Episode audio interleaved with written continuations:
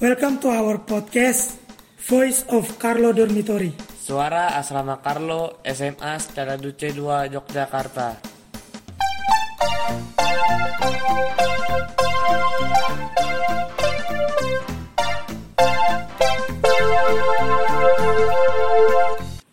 Salam Tarakanita, satu hati, satu semangat, Tarakanita, yes!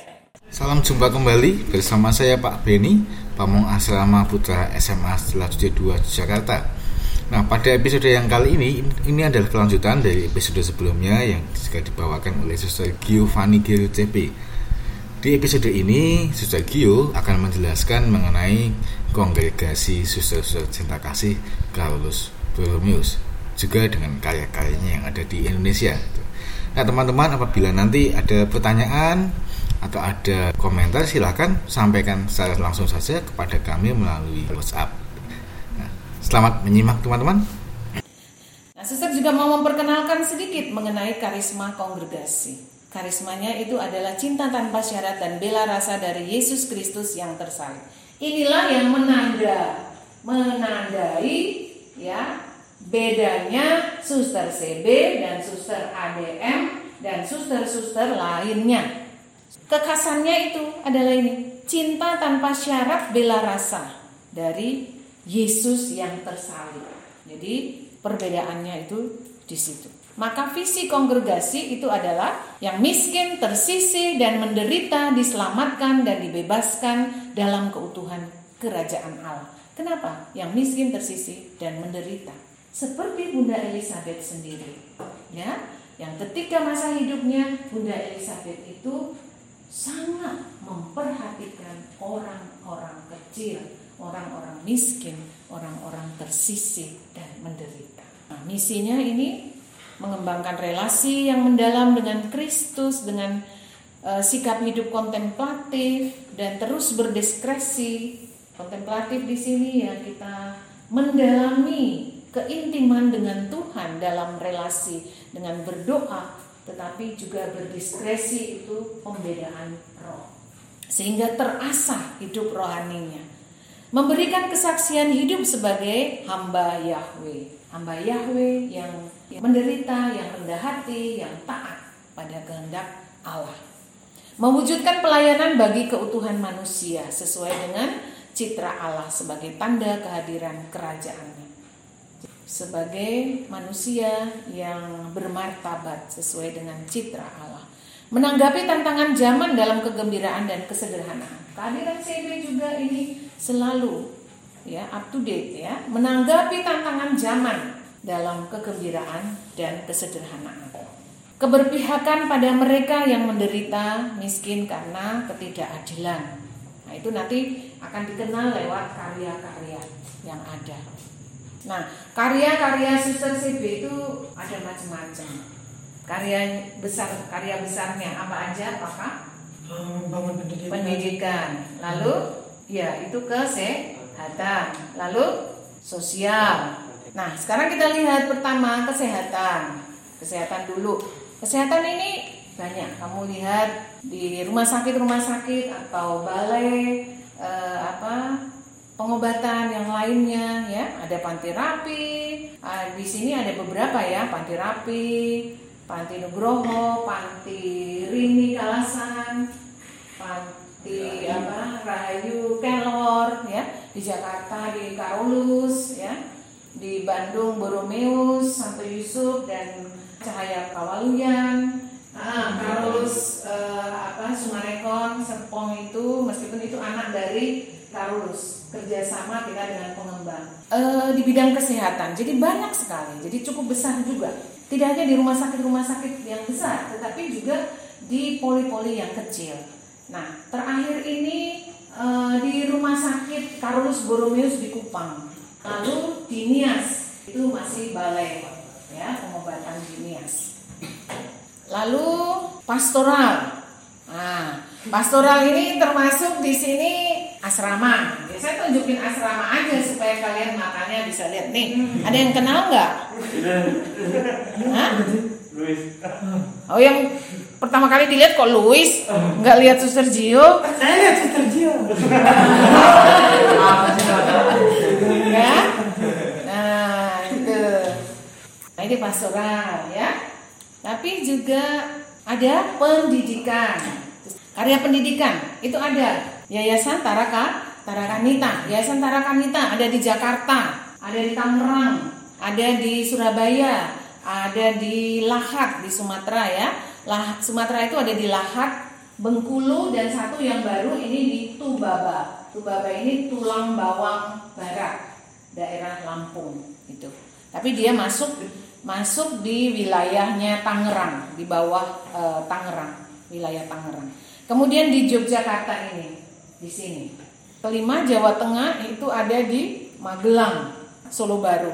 Dengan nama yang berbeda-beda, ada yang Tarakanita, ada yang Seladuce, ada di Jakarta itu Malang Santo Yosef, eh Lahat Santo Yosef, lalu di Surabaya ya Karolus gitu.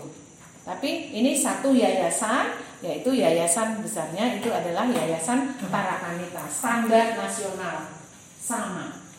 Jadi kamu sekolah di Jakarta sama di sini itu sama. Dari Jakarta lari ke sini ya sama, pendidikan karakternya sama, ya cuman tempatnya aja yang berbeda.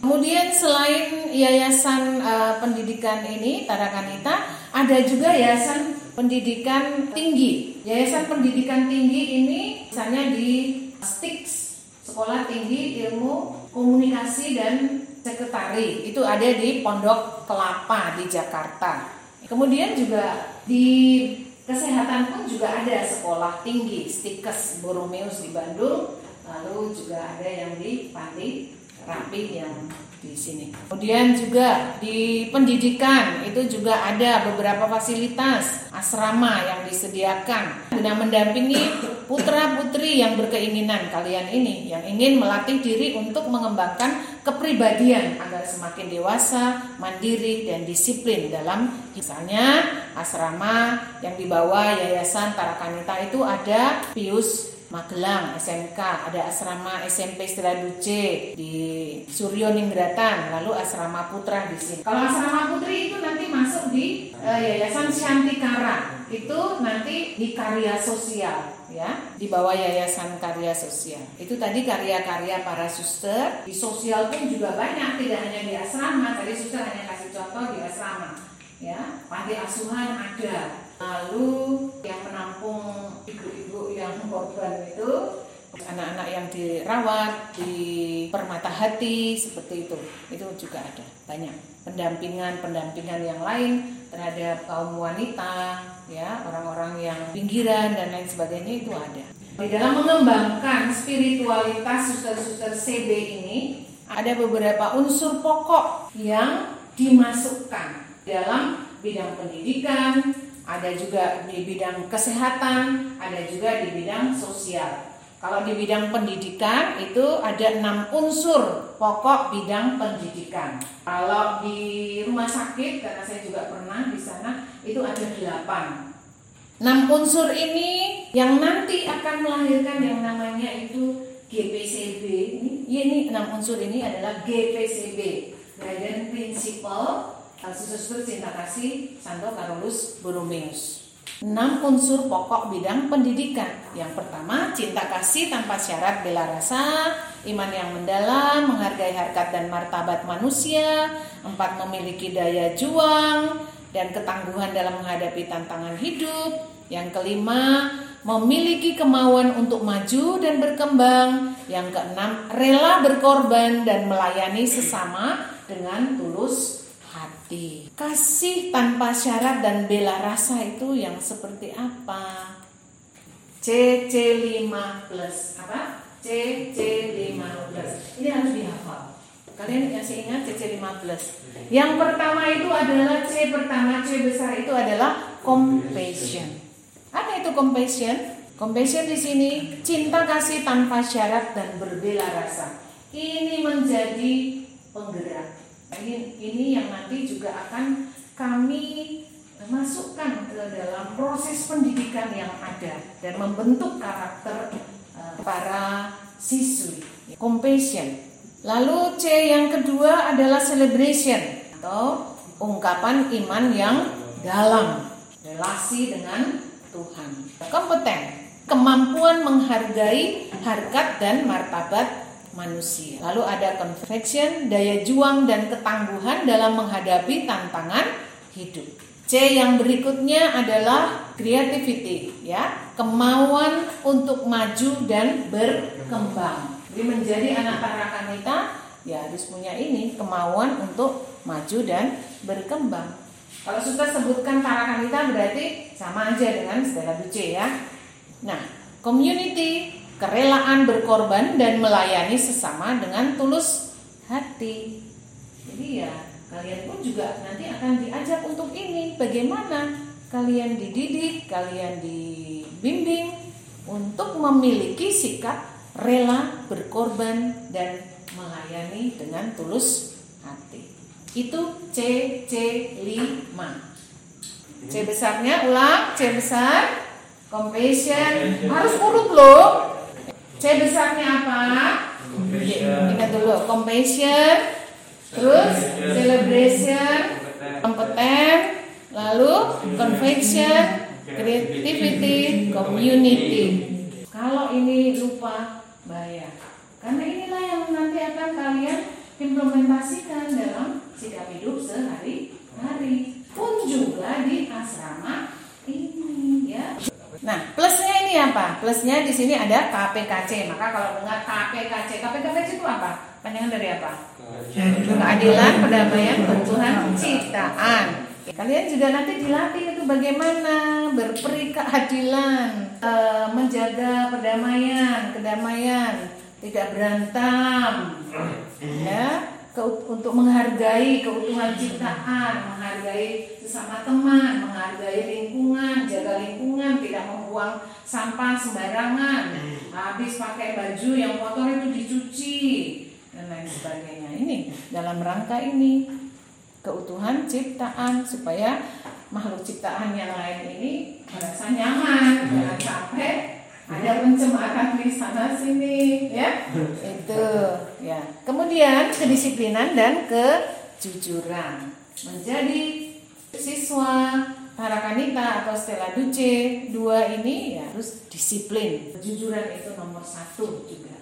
Contohnya compassion kayak apa supaya kalian makin tahu contoh dari compassion mencintai dengan tulus melampaui batas-batas suku agama budaya jadi di sini sama. Kalian adalah saudara tidak bilang uh, apa ah temanku yang dari Jawa saja. Tidak. Dari Sabang sampai Merauke. Semua adalah saudara. Semuanya ya melayani demi keselamatan. Nah, celebration bagaimana nanti kalian juga ikut ambil bagian dalam perayaan-perayaan.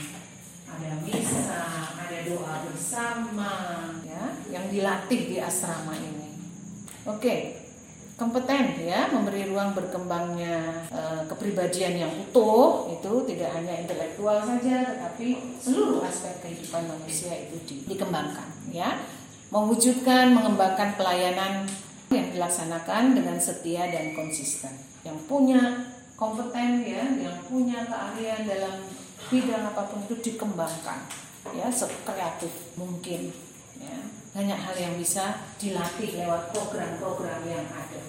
Nanti uh, Mas Bini sama Dias nanti akan melatih kalian dalam ini CC5 yang sudah disiapkan bagus sekali ya saya senang kalau lihat seperti itu. Oh ya, berarti spiritualitas uh, eh, CB ini diteruskan, dikembangkan, ya, masuk dalam program kegiatan yang ada di asrama.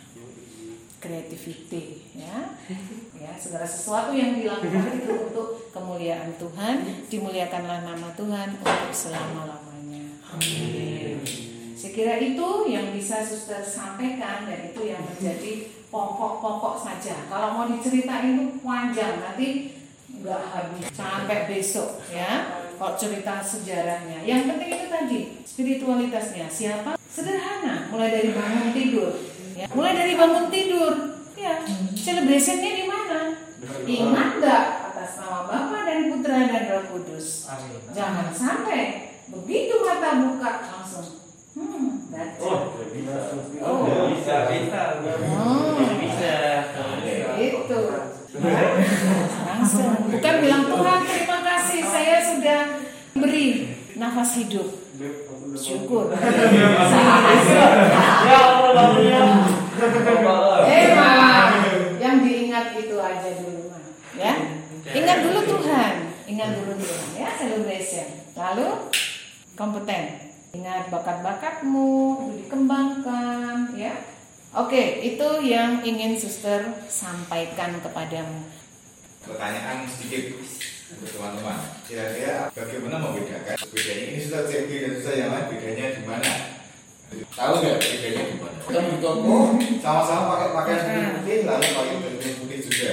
Kira-kira bagaimana mengidentifikasi ini sudah CB atau bukan? Itu bagaimana caranya? Salib.